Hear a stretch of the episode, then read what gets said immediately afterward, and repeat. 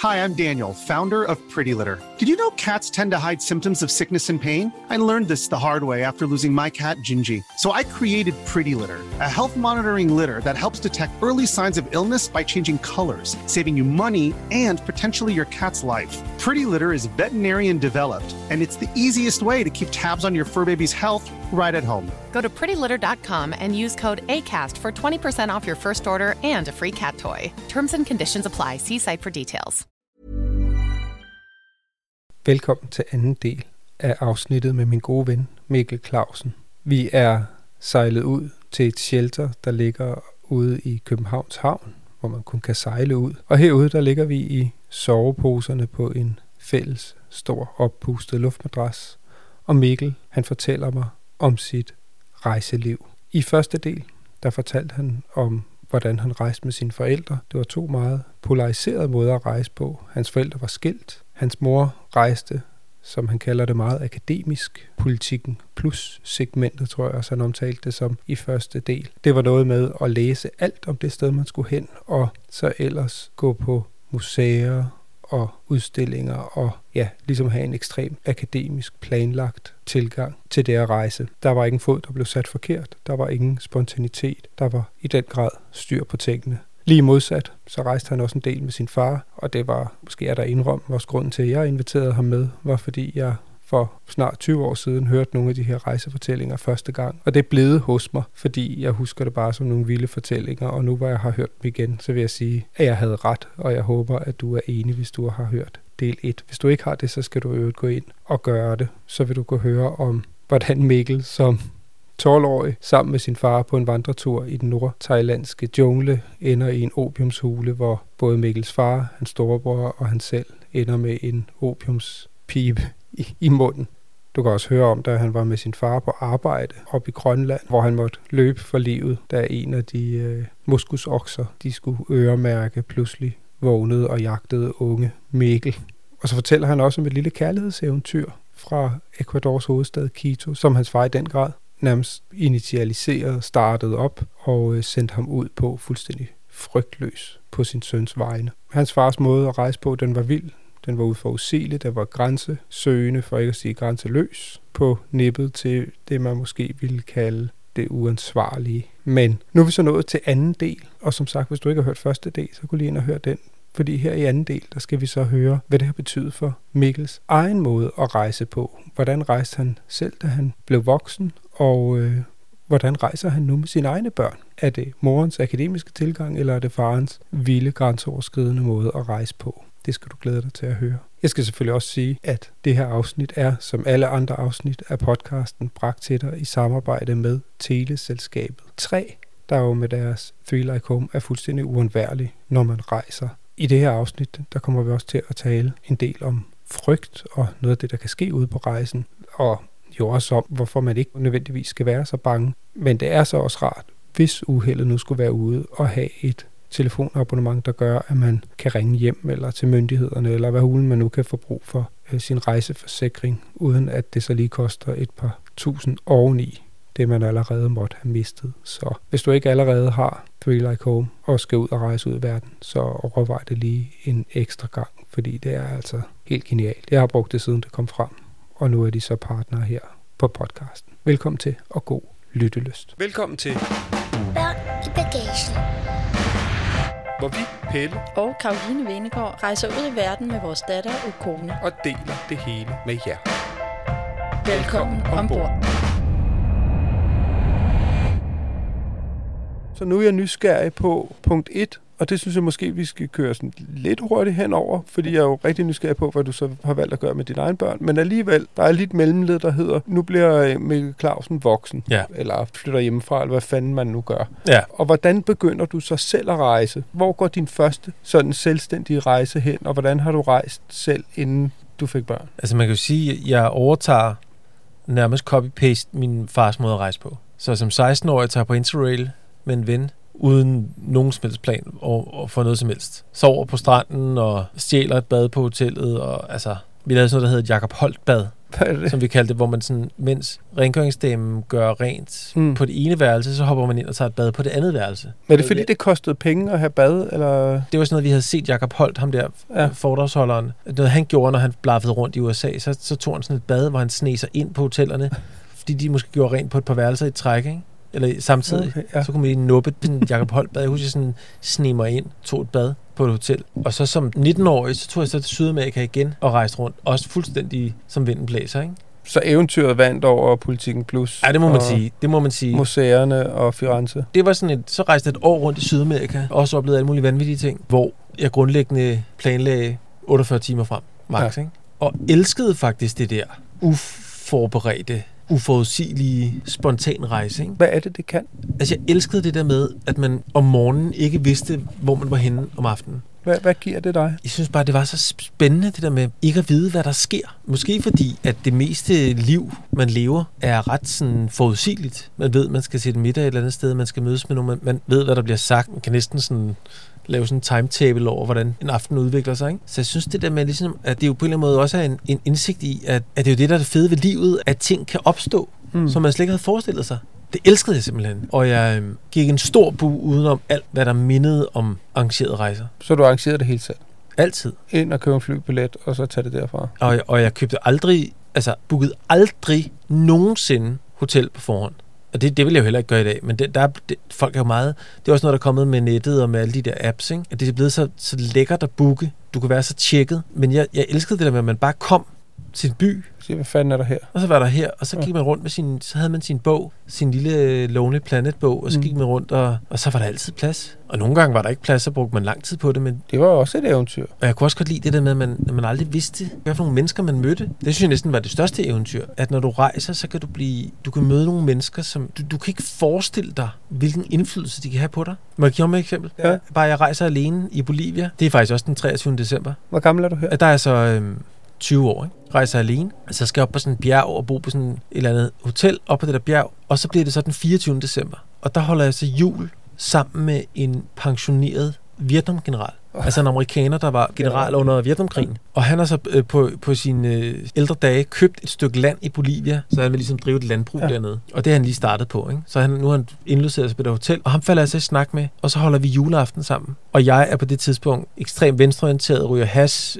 hører Pink Floyd og spiller flippermusik. Og for mig, der er en Vietnam-general, det er noget af det værste, man kan forestille sig. Men vi svinger simpelthen så godt. Han var simpelthen suveræn han blev næsten som sådan en, en far, jeg aldrig havde haft. Den der juleaften blev sådan en enorm intim oplevelse på den måde, at han... Øh, altså det lyder sådan helt... Det skal ikke lyde forkert, men han var enormt omsorgsfuld og spurgte sådan, hvad vil du med dit liv? Hvad, hvad, hvad vil du? Og hvad er det for nogle evner, du har, og hvordan vil du bruge dem?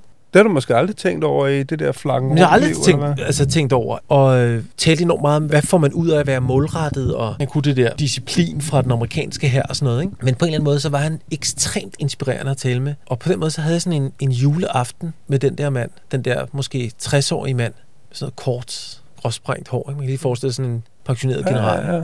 Det er jo noget af det, som den rejseform kan. Ikke? Lige pludselig, så sidder du, og jeg, jeg glemmer aldrig det, altså den jul. Måske den bedste juleaften, jeg nogensinde har haft. Og det er jo et vanvittigt møde, og hvornår vil man nogensinde ellers møde sådan et menneske? Hvornår vil du møde sådan en mand? Ja. Og spise, m- og holde jul sammen. Det- spiser juleand, ikke? Ja. På et eller andet bjerg i Bolivia. Men det er også en af de ting, som Karo og jeg også i, i løbet af, af podcastene også har slået meget på. Altså det her med, hvornår fanden ellers i dit liv spiser du lige pludselig middag om aftenen med nogen, du har mødt samme dag. Ikke? Det man aldrig. Nej, der, der er så meget inspiration derude. Ikke? Ej, det er sjovt. Jeg kan huske også en gang i Sydamerika, eller det, Mellemamerika, tror jeg, et eller andet sted, så mødte jeg en amerikaner. Han var på vej til Colombia, og det var altså, da Colombia virkelig var vanvittigt ikke? I, i narkokartellernes storhedstid. Og så havde han været alle mulige andre fuldstændig hjernedøde steder. Jeg tror faktisk, vi mødte ham i El Salvador, som også var fuldstændig sindssygt på det tidspunkt. Og så fortalte han, at han, øh, han gjorde simpelthen en dyd ud af at tage de farligste steder hen i verden.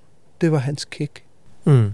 Og så sad vi så og snakkede mere med ham. Det vil jeg gerne forstå. Hvad fanden er det for en menneske, der gerne vil det? Og så sidder vi og, øh, og snakker senere, kan jeg huske, og vi har fået lidt at drikke og sådan noget. Og så, så åbner han op og fortæller, at han har haft en datter, og hun døde, da hun var tre år gammel. Og da hun døde, så blev det fucking ligegyldigt. Og, og, og på en eller anden måde havde han ikke bare mod til at tage livet af sig selv, men han var, altså, han var bare nødt til at tage helt ud på kanten, og på en eller anden måde håbede han på at dø. Ikke? Det var bare, det var så vildt en skæbne, ikke? og det var, jeg var også ung, jeg var 20 eller sådan noget, ikke? og det, det var så bare sådan et møde med ekstrem sorg, og det handlede jo også om meningsløshed og mening og alt muligt. Altså, øh, jeg ved ikke, hvad pointen var med det, men det var bare det billede, jeg lige fik af, du sagde, møde med ham. Ikke? Altså nogle af de der mennesker, man har mødt derude, som påvirker en på den ene eller på den anden måde. Det, det, det er et liv, du ikke kan forestille dig, hvis ikke det bliver præsenteret for dig. Præcis. Og hvis du har læst om det i en bog, vil du sige, ah, Ja. overdrevet, ikke? Eller han var karikeret, ham generalen, eller et Ja, andet, præcis. ikke? Og næsten blive en corny roman med en eller anden ung fyr, der møder en amerikansk general, som så siger noget til ham, som faktisk gør, han tænker over livet, ikke? Men ved du, hvad jeg faktisk også tror? Jeg tror faktisk også, at man møder dem, man har brug for. Altså jeg tror, man ubevidst udsender en masse signaler og vibrationer til alle de mennesker, man møder. Og derfor så, når du møder ham der, Mm. så er det ikke helt tilfældigt. Altså, der har været et eller andet i jeres kemi, der har tiltrukket jer til hinanden, og du har haft brug for at snakke med sådan en som ham. Så på den måde tror jeg, det er ikke så tilfældigt, fordi jeg tror, man, hvis man sådan meget hurtigt afkoder man jo hinanden. Ikke? Jo, jo, jo. Og hvis du, hvis du havde tænkt om ham der, det, det er uinteressant, så havde du aldrig fået den snak. Nej, men derfor, altså, Der er et andet i dig, der, der, der, der er tiltrukket af ham og hans historie. Ikke? men der, der tror jeg, det er nysgerrighed, og nysgerrighed på mennesker, ikke? Og, og det, der jo også er så vildt, er jo også, han var fucking sindssyg type, ikke? Han var kraftet med vild, ikke? Ja. Men hvis man har sin nysgerrighed, ikke, så, så får man også pludselig forståelsen. Ikke? Fordi hvis jeg kun havde nået at få halvdelen af historien, ikke? hvis jeg kun havde nået at møde ham manden, der rejste rundt til de farligste steder i verden, som jo var fucking småpsykopatisk. Ikke? Han var nødt til at komme derud for at mærke, at han overhovedet var i live på en eller anden måde, og ønskede nærmest at dø. Ikke? Hvis jeg kun havde fået den historie, så havde jeg ikke fået den anden historie. Så havde jeg ikke fået den fulde historie. Jamen, så havde han været ind- indimensionel. Ikke? Jo, jo, og det er jo det, der bliver spændende, og det er jo det, er jo det som også er så spændende ved at bevæge sig ud. Ikke? Og så skal man bare interessere sig for de mennesker, man møder. Ikke? Så åbner der sig en verden. Ikke? Det er jo i virkeligheden det, det mest interessante ved den måde at rejse på, det er de mennesker, man møder. Fordi man hele tiden, man bliver hele tiden konfronteret med sig selv.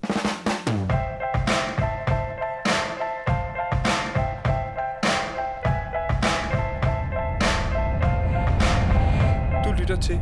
Børn i bagagen. Nå, Mikkel, ja. jeg kan høre, du fortsætter med at rejse sådan. Nu er det her jo også som ung, men altså, nu tror jeg også lige kort, jeg fik nævnt, at vi jo faktisk mødtes, mødtes vi i Thailand? Og vi, mødtes ja, vi rejste til Thailand og Kambodja. Ja, så tog vi til Cambodia sammen, og så Angkor Wat og jazzede rundt derude nogle dage. Det var jo super fedt. Ja. Og så tog vi ned igennem Kambodja. Jeg har sådan en oplevelse i øvrigt af, at Kambodja synes jeg ikke var særlig rart. Nej. Man kunne mærke, at de har været i krig. Og Og det er på samme måde. Siden, ikke? Underskud. Vi ville bare væk. Smadrede mennesker. Ikke? Altså, det var jo trist. Vi var der i seks dage. Vi skulle bare igennem. Ja. Ruff, og så endte vi nede og så det der fængsel, hvor det bare understregede, der er for meget død og ødelæggelse for tæt på. Der er grænser for, hvor meget man kan smadre en lokal befolkning, hvor det ikke sætter sig. Ikke? Jo, det tager altså lang tid at vise sådan noget ud. Ikke? Jeg tror, noget af det, der gør Thailand attraktivt, det er, at det aldrig har været besat. Mm. Det har jo aldrig været underlagt nogen. Giver dem en eller anden stolthed, og Men det var bare for at sige, at vi har rejst sammen. Nej, men også at den der måde at rejse på, jo ikke bare var noget, der gjorde at du så var i 20'erne, det har du fortsat med, ikke? Jo, og man kan faktisk sige, at det ændrede sig så lidt, da så mig og min hustru, vi fik børn. Jamen det er det, og det er jo det, vi skal frem til. Rejste du inden I fik børn? Rejste I også sammen sådan? Ja, ja, meget. Okay. Okay. Rejste rigtig meget sammen. Lidt på samme måde. Vi var også i Sydamerika og rejste rundt på Balkan og sådan noget. Og Blev hotellerne også lidt bedre hos jer?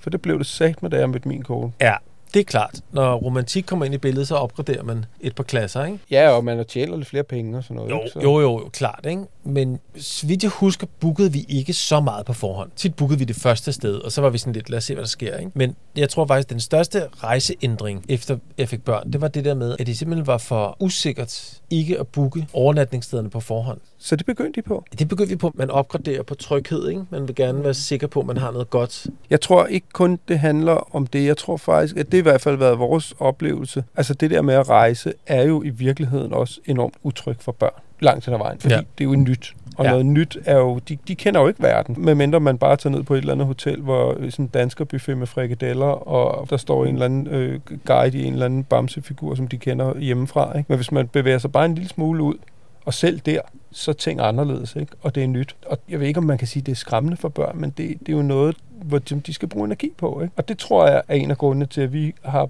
gjort det der med at altså forudsigelighed, kunne sige, nu skal vi derhen, vise nogle billeder. Vi har haft så stor succes med at inddrage og forberede, fordi verden er jo ny for børn.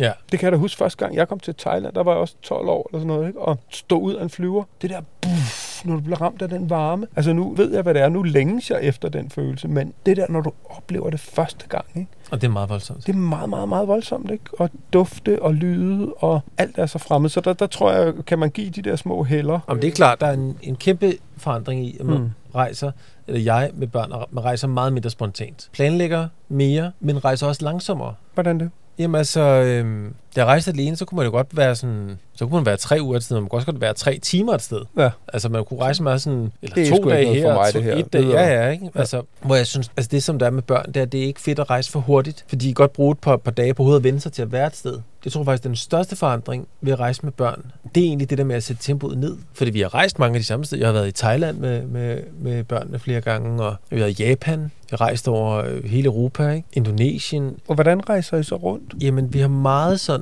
haft succes med at være det samme sted i lang tid. Ja. Ved at sætte tempoet ned, det er ligesom at tage et kamera og zoome ind. Ikke? Man forstørrer de pixel, der er der, og udforsker den lille verden meget mere. Hvor den ungdommelige måde at rejse på, er jo meget det der med, at man hele tiden skal have input. Man hele tiden søger maksimal forløsning, eller maksimal ja. endorfiner, ikke? så synes jeg med børn, at man i højere grad, det tror jeg måske også er en mere sådan moden måde at rejse på, at man i højere grad søger dybden i detaljen i den lille verden, man så lige er kommet til. I stedet for hele tiden at skulle have noget nyt for at Ja. blive stimuleret, så faktisk prøve at se, om man kan finde nogle, nogle flere nuancer i der, hvor man er. Altså, det er jo stadigvæk sådan, at man ikke ved, hvem man møder om aftenen. Ja, ja, ja. Men, men jeg kan faktisk enormt godt lide, det tror jeg faktisk er den største ændring i måde at rejse på de senere år, at det der med at være det samme sted i lang tid, det synes jeg er enormt fedt. Super. Altså ikke, at man ikke er så bange for at kede sig, og man ikke hele tiden skal have det der rejsekick, med hele tiden komme et nyt sted, hele tiden blive stimuleret. Men der kan man jo også lære noget af at se på sine børn, ikke? Fordi de kan faktisk få en lille verden til at blive utrolig stor, eller, og der, eller der skal ikke så meget til nogle Nej. gange. Ikke? Nej. Det har vi også virkelig gjort meget, det der med at sætte tempoet ned, og, nogle, og især også, man skal lige lande et sted. Ikke? Og i Jo. virkeligheden kan man også mærke det på sig selv, hvor rart det er. Altså, det er faktisk rart nogle gange at have sådan en lille stopklods med, eller sådan en lille... øh, Det er jo lidt en bremse, ikke? At have sådan nogle børn med, og det er faktisk enormt fedt. Det er også fordi, en uge er jo ingenting. Nej. Det er jo også interessant, fordi nogle gange er det noget med, jo længere tid du er et sted, jo mere opdager du. Og jeg tænker nogle gange, de steder, hvor man har været et sted to dage, har man overhovedet fattet noget som helst? Af noget Ikke som en helst? skid. Altså, det tager jo rigtig lang tid at forstå, hvor man egentlig er. Så rejser I i lang tid ad gang, hvis I kan. Ja, vi har rejst i to måneder i, i Thailand, ikke? en måned i Indonesien, og så har vi nogle gange, nogle sommerferier, vi taget en måned til Berlin Okay. og holdt sommerferie, bare, bare været Even when we're on a budget, we still deserve nice things. Quince is a place to scoop up stunning high-end goods for 50 to 80% less than similar brands. They have buttery soft cashmere sweaters starting at $50, luxurious Italian leather bags, and so much more.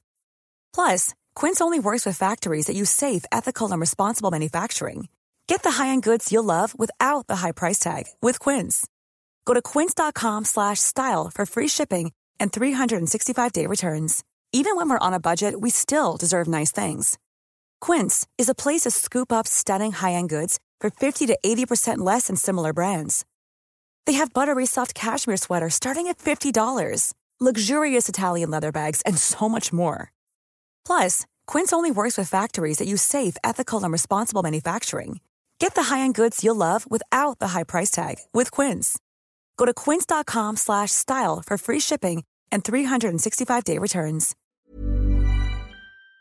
Dernede. Ikke? Og nu er du så gjort, at, at du er skåret af to stykker meget forskellige liste, kan man sige det. Hvor din far jo var det spontane, øh, også lidt crazy. Grænsesøgende. Ja, og du fik lov til noget mere. Og så var der så din mor der, som havde læst op på det hele. Altså, trækker du noget fra din mor? Ja, det synes jeg, jeg gør. Jeg synes, det er meget sjovt at have en bevidsthed om, at man også viser sine børn verden. Det betyder ikke, at man holder et foredrag, men at man er bevidst om at vise dem nogle bestemte forskellige ting ved verden. Ikke? Men er, er der noget, hvor I simpelthen har, også har læst op på, hvor er vi, eller kender historien og fortæller dem det? Eller? Altså man kan sige, nu, nu er de jo sådan ret, de er jo stadigvæk øh, 6 og 9, ikke? så Ja. det er sådan grænser for, hvor meget sådan historisk... Øh, mm.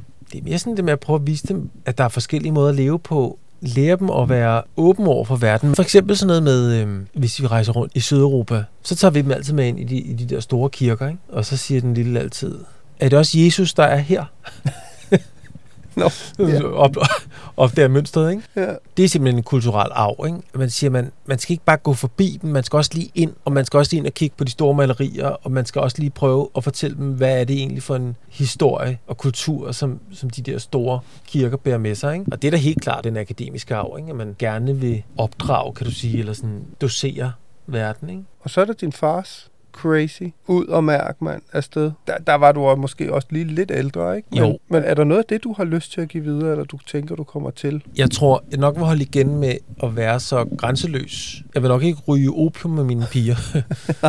Men det, som jeg vil tage med mig, det handler måske i højere grad om at lære dem glæden ved, at ting bare opstår. Og man øver sig i at gribe de muligheder, der er. I stedet for, at man ligesom skal have sådan en, en køreplan. Mm. At man lærer at rejse på en måde, hvor man lærer at være opmærksom på det, der sker lige nu. Altså kontinuerligt være opmærksom på det, der sker lige nu, og øve sig i at være til stede og være nærværende. Fordi hvis man er det, så er verden fuldstændig mirakuløs. Fantastisk. Sådan, sådan magisk. Altså magisk, ikke? Ja. men det er noget, som det er der nogen, der skal vise en. Fordi ellers går du rundt med din telefon, eller det gamle var det en guidebog, så går du rundt med din telefon og ser på, hvor den gode restaurant er. Ikke? I stedet for at I stedet for at kigge op kigge op og se, hvad der sker. Hvor sidder der flest lokale, ikke? Jo, det er noget, jeg tror, man, man er nødt til at, det er man nødt til at vise sine børn. Det er en måde at være på i verden. Men hvordan fanden kan man så vise dem? Nu sagde du også, at du ikke ville sende dem afsted med et bund pengesedler og med nogle fremmede. For det kan jeg sgu også godt følge. Man var også en anden beskyttertrang, ikke? Når man er, når man er døtre, ikke? Så, så, Ja, jo, men det er jo grundlæggende, om det, det er drenge eller piger, så, så er der jo også det der med, at verden kan også være farlig. Ikke? Jeg synes samtidig også, der er noget meget fint i at gøre det modsatte, også at sige, at verden er ikke farlig. Ja.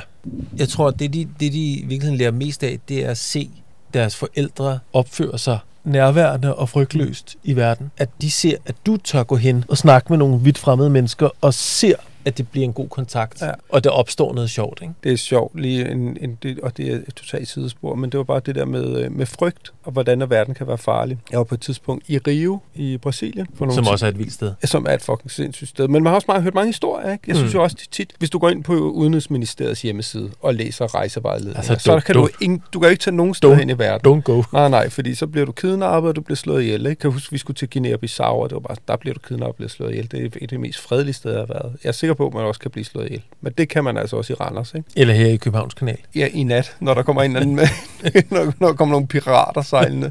Nej, hvad fanden? Jo, det var i Rio. Så havde jeg været over på nogle tv-optagelser. Der havde vi så bevæbnede vagter med. Vi har jo tv-udstyr med, ikke? Og var inde i nogle favelaer og sådan noget, ikke? Så har man simpelthen vagter med. Og så skulle Karoline komme over. Hvad var det for en produktion? Drengerøv og datter. Det var Thomas Bo Larsen og hans datter, der skulle Nå, hvor fedt. Så var I de derovre? rejse rundt i verden. Ja, jeg var redaktør faktisk derovre på TV2, lige herovre til højre. Så var jeg med for ligesom at, at, og styre løjerne. Og så havde vi de her bevæbnede vagter med, og så skulle Karoline komme over. Det var før vi blev forældre. Og jeg kan bare huske, at jeg var øh, enormt bange for Rio.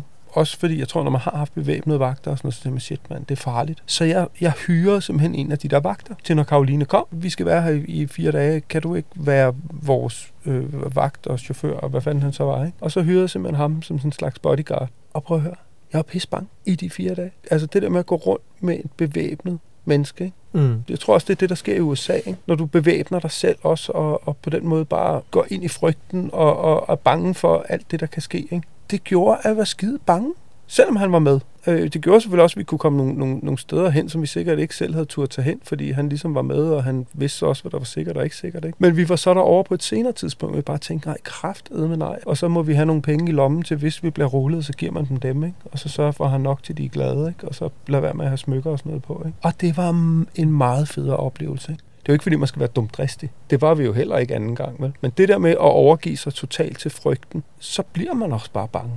Og så bliver verden også ond på en eller anden måde, hvis det giver mening. Jamen fuldstændig. Om det, det der, du siger, det er jo opskriften på at rejse farlige steder. Ikke? Det er, at du skal ikke have noget på dig, de kan stjæle. Du skal ikke have noget værdi, udover, En god slat penge. udover 15 dollars, som lige er nok til, de bliver glade. Ikke? Jo, aldrig have for lidt. Det er også farligt, ikke? Sørg for, at de får nok, til de så har de en fest den aften i det mindste. Ikke? Men det er jo også det der med, altså risikoen for... Ej, der, er- der, er- der, jeg tror, der er nogle steder i Afrika faktisk. Er det Cape Town, der er en af de der... Eller er det Johannesburg, der er en af de der byer, som er... Johannesburg, er- altså... Hvor man får at vide, at der skal du bare ikke... Nej. Du har jo været der, Pelle, har du ikke? Jo, jo, jo, vi har også boet der. Der får man øh, at vide, der skal du, der skal du simpelthen ikke gå ud om aftenen. Ikke? Og det skal du heller ikke. Men, men Men de fleste steder i verden er risikoen for, at du kommer fysisk til skade, jo meget, meget lille. og prøv at høre, Altså, de fleste mennesker i verden er pisse søde og ved dig det bedste. Og så er der jo fattigdom og stoffer og pis og lort, som, som gør, at folk er vanvittige. Men det kan man jo dosere. At det er jo ikke svært at navigere i, i hvor man skal tage hen, og der ikke skal tage hen. Og selvfølgelig skal man være, være ops på det, men man, jeg synes bare, at man skal passe på med den der skide frygt. Ikke? Jo, fordi det der jo også er sandheden, der at verden er ikke ret meget mere farlig. Altså hvis I lige så bort, bortset fra Afghanistan og ja, ja. Johannesburg eller sådan nogle helt ekstreme steder. Ikke? De fleste steder i verden er ikke mere farlige, end der er i forstederne til København. Du kan godt blive overfaldet og få bank på Albertslund station, som du kan i Guinea-Bissau grundlæggende er det jo bare en risiko altid, at du kan komme galt af steder. Du skal tænke dig om alle steder. Der er en risiko ved livet. Altså, du, Jamen, det er vi, det. Vi kan, den, pludselig kan det være, jeg ved ikke, hvad fanden den her shelter, den flyder rundt på, men når der går hul, så vågner vi øh, kortveje på bunden af, af Københavns havn, og så var det det. Det er i hvert fald øh, interessant at snakke om den der frygt, ikke? fordi den, ja. den også opstår op i hovedet, mere end den, den, den egentlig er en, en risiko. Jeg synes, din fars øh, måde at gøre tingene på måske var lige over the edge i forhold til bare at, at kaste sig helt ud i verden, ikke? Øh, eller ens børn ud, ikke? Jo, og min mors måde var også ude i et, fordi det blev simpelthen for... For kontrolleret? Jo, og, for, og også for, altså for kedeligt, ikke? Fordi man aldrig mødte nogen, ja. man ikke kendte. For satte os aldrig ned og snakkede med nogen, vi ikke kendte. Rejste kun med dem, vi var sammen med, og så videre, ikke? Så på den måde var det jo to modsatrettede kræfter, hvor jeg så på en eller anden måde prøvede at finde en eller anden form for balance jeg tror sgu, det er en gave for dine piger, at du har kunne suge det bedste for de to verdener, og så prøve at give dem det. Og tusind tak, Mikkel. Selv tak. Det har simpelthen været en fornøjelse at høre om dit vilde rejseliv.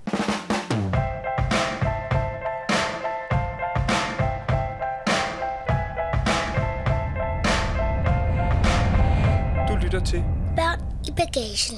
Ja, her der forlader vi så min gode ven Mikkel Clausen, og jeg håber, I kan forstå, hvorfor jeg inviterede ham ind i podcasten, og at I har fået nogle både vilde historier, men måske også øh, ja, både noget, noget mod på at rejse. Ja, forhåbentlig har det sat gang i nogle tanker om, hvad man både kan og skal byde børn. Jeg håber i hvert fald, det har sat lidt tanker i gang, og, og vigtigst af alt forhåbentlig har vækket rejselysten, og måske tæmmet frygten for verden bare en lille smule.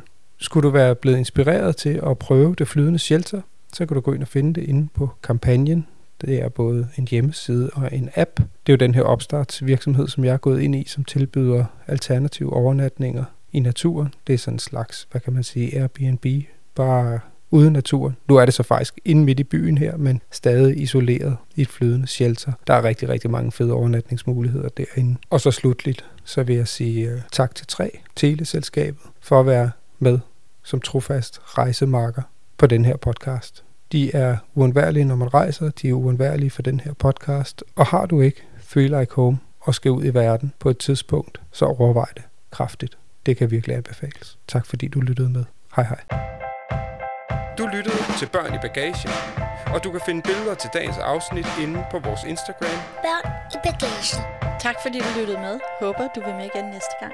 Vi ses. Hey, it's Paige DeSorbo from Giggly Squad. High quality fashion without the price tag. Say hello to Quince. I'm snagging high-end essentials like cozy cashmere sweaters, sleek leather jackets, fine jewelry, and so much more. With Quince being 50 to 80% less than similar brands. And they partner with factories that prioritize safe, ethical, and responsible manufacturing. I love that. Luxury quality within reach. Go to quince.com slash style to get free shipping and 365 day returns on your next order. Quince.com slash style.